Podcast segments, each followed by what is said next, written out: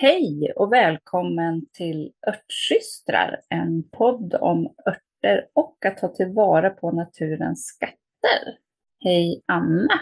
Hej Maria! Ytterligare ett avsnitt på distans. Ja. Ja. Idag... Vi, vi harvar på. Vi harvar på. Eh, dagens tema är surkål. Det är väl, det har vi valt för vi tycker att det är en fantastiskt sätt att få i sig bra grejer. Lite grann sådär, vad är mat och vad är medicin? Eh, surkål är ju fermenterad vitkål, har massor med hälsofördelar. Och vi tänkte idag eh, försöka återskapa ett recept som Anna har hittat i en källare. Kan inte du berätta lite om det, Anna? Ja, jo, men det, jag var nere i min mammas källare på jakt efter konserveringsburkar förra hösten när du började peppa mig att jag skulle börja konservera. Och då på en av de här gamla burkarna så fanns det en liten, liten lapp med ett recept. Jag ska läsa upp det. Men jag ska berätta för var det kom ifrån. Det var nämligen så att min mormor Margot hon gick bort väldigt hastigt när jag var i kanske sexårsåldern. Och det här är liksom en grej som grämer min mamma väldigt, väldigt mycket. Inte bara att hennes mamma gick bort, men att hon inte finns här idag när jag har blivit så himla intresserad av örter. För min mormor, hon var, hon var ganska sjuklig. Hon hade stora problem med astma. Under 70-talet så lyckades hon bota sin astma med hälsokost, vilket är jag tycker att det, hela det uttrycket är ju liksom bara så himla roligt. Att eh, det hon gjorde då var ju liksom var ju en typ av örtkunskap. Att hon, ja, men hon, hon läkte sin astma med hjälp av naturliga råvaror. Men på den tiden så pratade man ju om, om örtkunskap. Den var ju ganska död då. Och, och den här gränsen är ju väldigt flytande. Vad är, vad är örter? Vad är mat? Vad är medicin? Och jag tycker att ja, man, man måste inte ha så himla mycket gränsdragningar, utan det är helt enkelt saker från det gröna riket som, som kan hjälpa oss att må bättre. Men eh, min mormor försvann då ganska hastigt, så jag blev så himla glad när jag hittade den här burken. En liten, liten lapp där hon har skrivit upp vad hon hade i den här surkålen. Det var vitkål, rödlök, julsenap, lök, vitlök, anis, fänkål, kummin, enbär. Och när, men när jag såg den, bara, men här vill jag göra. Men samtidigt så har jag liksom ingen aning vad... Hur ska jag läsa det här?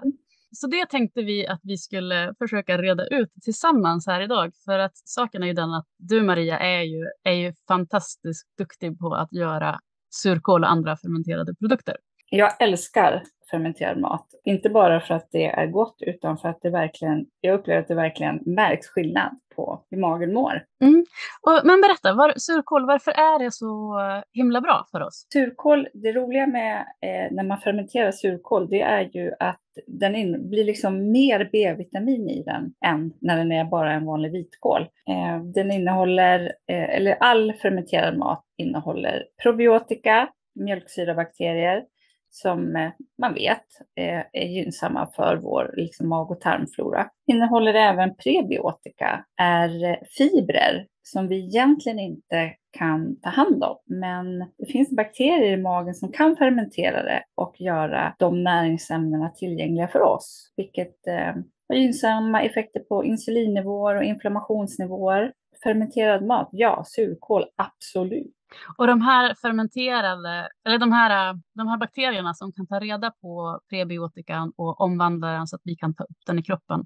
Visst är det de här så kallade goda bakterierna som vi gärna vill ha i våra tarmar? Ja, det är det. Både probiotika och prebiotika är liksom goda eh, mikro, goda bakterier som hjälper oss eh, att hålla stånd mot dem mindre bra. Mm. Och, därför, och för att, för att skapa en god tarmflora som hjälper oss att hålla oss friska och göra oss friskare, då behöver vi mata de här goda bakterierna med saker som, som får dem att, att växa och frodas. Och där är surkål typ det bästa, eller fermenterad mat i allmänhet, det bästa vi kan ge. Ja. Eh, jag tycker den liksom har försvunnit lite grann. Vi får ju, alltså, jag vet att när mina barn typ eh, fick antibiotika för olika infektioner så fick vi ju råd att eh, ät yoghurt ät kefir, tillför mjölksyrabakterier. Så varför kan, eh, varför, var har surkålen tagit vägen i det här? Undrar jag lite Mm. grann. Som dessutom innehåller så himla mycket min, mer vitaminer. Precis. Kan inte du berätta om din uh, surkålssoppa som du brukar göra? Ja, eh, Eh, det kan jag absolut göra. Det var någonting som jag upptäckte efter jag hade haft eh, corona. Eh, och min corona satte sig i magen, vilket totalt slog ut hela min mage. Och då liksom lyssnade jag lite på vad jag var sugen på. Och då var jag, gjorde jag en soppa, eller jag gjorde en benbuljong, det är viktigt. Eh, vad man ska ta för vegetariska alternativ, det har jag ingen aning om. Kan för lite om näringslära näringsjäst kanske, men jag gör själv benbuljong och har alltid det hemma. Så jag hade benbuljong eh, som jag hällde, som jag kokade tillsammans med alger och hällde över surkål. Och det var liksom, jag tyckte att det var så gott så jag tror jag åt det regelbundet i flera månader.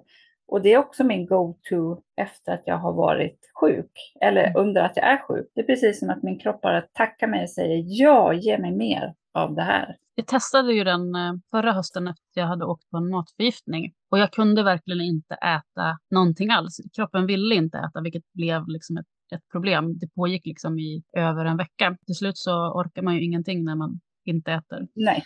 Men då testade jag att göra den och det är ju så lustigt för att när man hör det första gången så låter det ju verkligen inte som någonting som man har lust att äta när man är magsjuk eller precis har varit magsjuk. Nej. För, för surkål, ja men du vet, det kol som vi vet att vi kan bli lite gasiga av och den, den är sur. Ja. Men det var fantastiskt. Ja. Och man liksom verkligen, jag kände verkligen hur kroppen liksom bara tackade mig när jag åt det där, att det var det bästa. Ja, det, så, ja, liksom, det känns så otroligt närande och i och med att eh, surkålen är fermenterad så är ju mycket av de här fibrerna som ger gaserna redan liksom omhändertagna på något vis. Ja, det kan låta som en märklig kombination. Jag tycker fortfarande att det är bland det godaste som finns. Eh, Men Anna, ska vi dyka ner i eh, receptrekonstruktionen? Ja, precis. Ska jag läsa det en gång till? Ja, gör det. Det är vitkål, rödlök, gul senap, lök, vitlök, anis, fänkål, kummin och enbär. Och då har vi ju liksom, bara där är ju magkryddorna med, eller liksom magörter, fast kryddor. Det är Mm. superintressant. Och då menar du anis, fänkål, kummin, eller hur? Yes, yes. Yes. Jag tänker ju, om, ska vi utgå från ett vitkålshuvud eller? Mm. Så tänker jag ju, löken har man ju framförallt med för att eh, få med socker i blandningen. För att liksom kicka igång processen med bakterierna. Jag skulle nog ta en gul lök. Ja. Mm. Så ett vitkålshuvud, en Ja. gul lök ja, och den röda löken. den tror jag är med mer för smak. Mm. Så den skulle jag nog ta en liten eller en halv stor. Jo, det Mm. tror jag. Eh, och vitlök, eh, förlåt. Nej, jag bara skulle fråga om vitlöken. Eh, jag älskar ju vitlök. Så jag skulle nog ta fyra stora klyftor, kanske till och med fem. Mm. Men så i originalreceptet så kanske det var två, tre.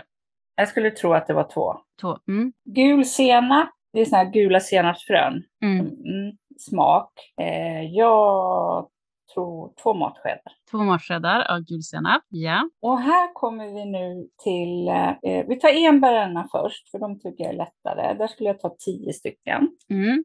Hela enbär. Tio, tio enbär. Jag är ju inte så våldsamt förtjust i anis, så jag skulle ta lite mindre av det. En halv tesked skulle jag ta av det och sen skulle jag ta en tesked fänkål och en tesked kummin. För jag tycker anis och fänkål ligger väldigt lika i liksom smak. Jag är rädd att det liksom tar över. Jag kanske till och med skulle ta en halv fänkål, en halv anis. Mm.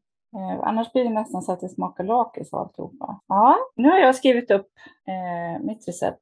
Men det som inte är med här är ju eh, en sak som är väldigt viktig när man gör fermentering är ju att du måste ha koll på salthalten. Precis. Och det var så självklart för att det, det står ju inte i receptet. Det är så jävla obvious för henne.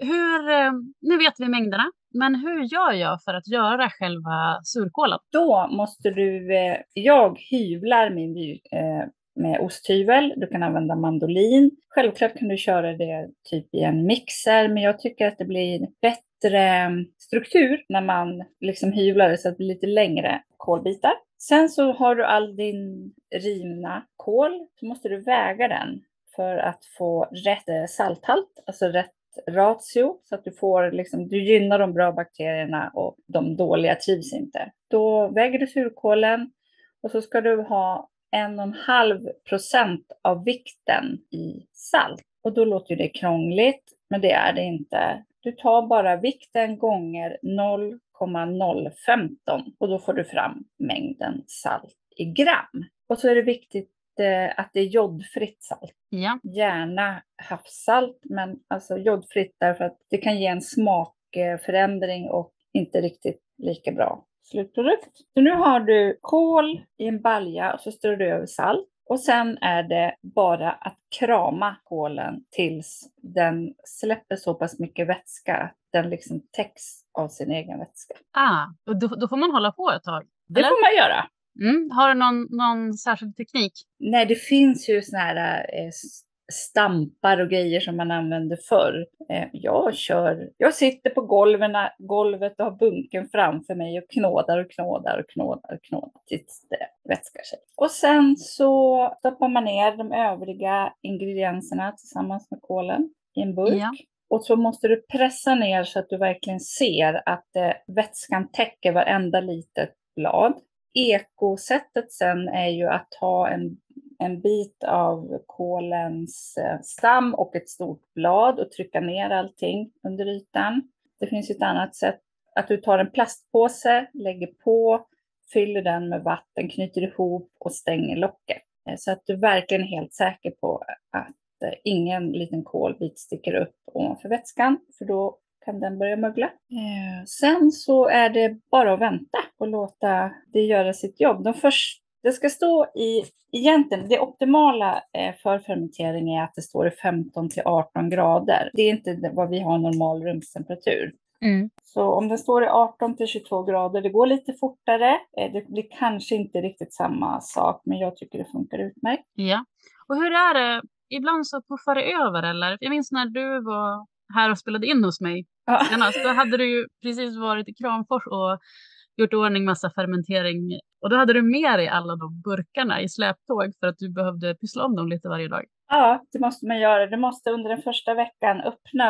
Eh, det bästa burken att använda här är en sån här patentburk med mm. gummiring och lock där, där det kan liksom pysa ut. Så att jag, du måste öppna upp de här burkarna släppa ut luften och bubblorna varje dag till en början. Ja, det måste rapa lite helt enkelt. Och hur länge skulle den stå framme i rumstemperatur? Det var, var det tio, två veckor? Tio dagar. Nej, tio eftersom, dagar? Ja, tio dagar, två veckor eftersom att vi har det så varmt.